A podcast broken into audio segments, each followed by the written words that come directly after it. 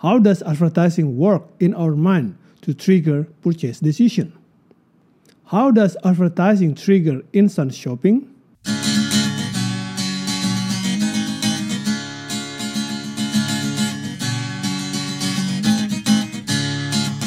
Welcome to Business and Management Podcast. Hello, my friends. How are you doing? I hope that you always be healthy and successful. Welcome to the Business and Management Podcast with myself as the host, Marcel Ludi. In today's episode, we are delving into the captivating world of how advertising works. Ever wondered what goes into our mind when we see an ad? What triggers us to make a purchase after watching it? And why do ads keep repeating themselves? Get ready with some mind bending insights that will transform your understanding of advertising. Raise your hand if you ever bought something, a product, after watching an ad on YouTube or on TV. Huh. Guilty as charged, right? Love it or hate it, advertising is part of our modern economic life. Whether you are an entrepreneur or professional working in a company, effective communication through advertising is vital to reach your consumers. And now, the burning question how does advertising really work? How does it influence the consumer thoughts and trigger them to purchase our products? By understanding the mechanic behind advertising, we can create ads that truly works to propel our business forward. There are two school of thoughts on how advertising works. The first, the more traditional perspectives, argues that consumers make purchase decisions based on rational and functional thinking. They consciously remember our ad, including all the benefit that is being offered, and then go out and search for our brand on online or offline stores. Rationality is the key focus here. On the other hand, the second school of thought, more progressive thinking, argues based on behavior science that consumers make purchase decisions based on emotional reasons. So, how does advertising make consumers to choose a brand? It does so by building psychological connection between the brands and the consumer needs within the category.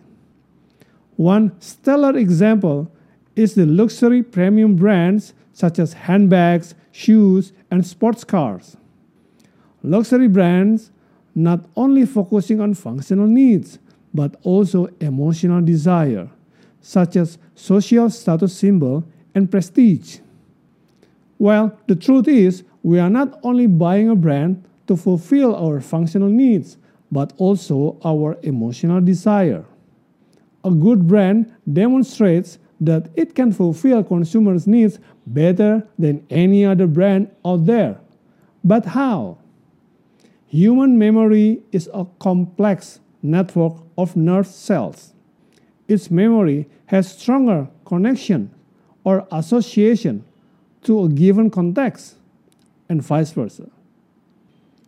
The job of an advertising is to create or strengthen connection association between the brand and the memory in the brain within a specific context. How does it work? By repetition. Just like when we are learning foreign language, repetition is crucial to continuously maintain and strengthen connection with the given context. That is why advertising is being repeated again and again and again to create and to strengthen connections between the brand and our memory in a given context. As a result, a subconscious connection is being formed between the brand and our memory. Consistency is key in advertising. Consistent features, consistent logo, consistent catchy jingles that is being repeated again and again to continuously form stronger connection between the brand and our minds. For example, we associate a certain sound with a specific context. When we hear a bell ringing, we associate that with the incoming visitor or a package delivery. When we see a big red N logo with the jingle, jing jing, we associate that with Netflix and it's time to watch our favorite show. Once again, the stronger the association between the brand and the context in the consumer's mind, the higher the probability that the consumer will consciously or subconsciously choose the brand. When the association is strong enough, the consumers will feel that it just feels right to buy our brand. Sometimes they choose the brand subconsciously, automatically, without even thinking too hard. It's just like choosing a life partner, isn't it? It just feels right. So, what are your experiences in creating advertising for your products? Feel free to share them in the comment section below. If you feel that this podcast is beneficial, please click like and subscribe.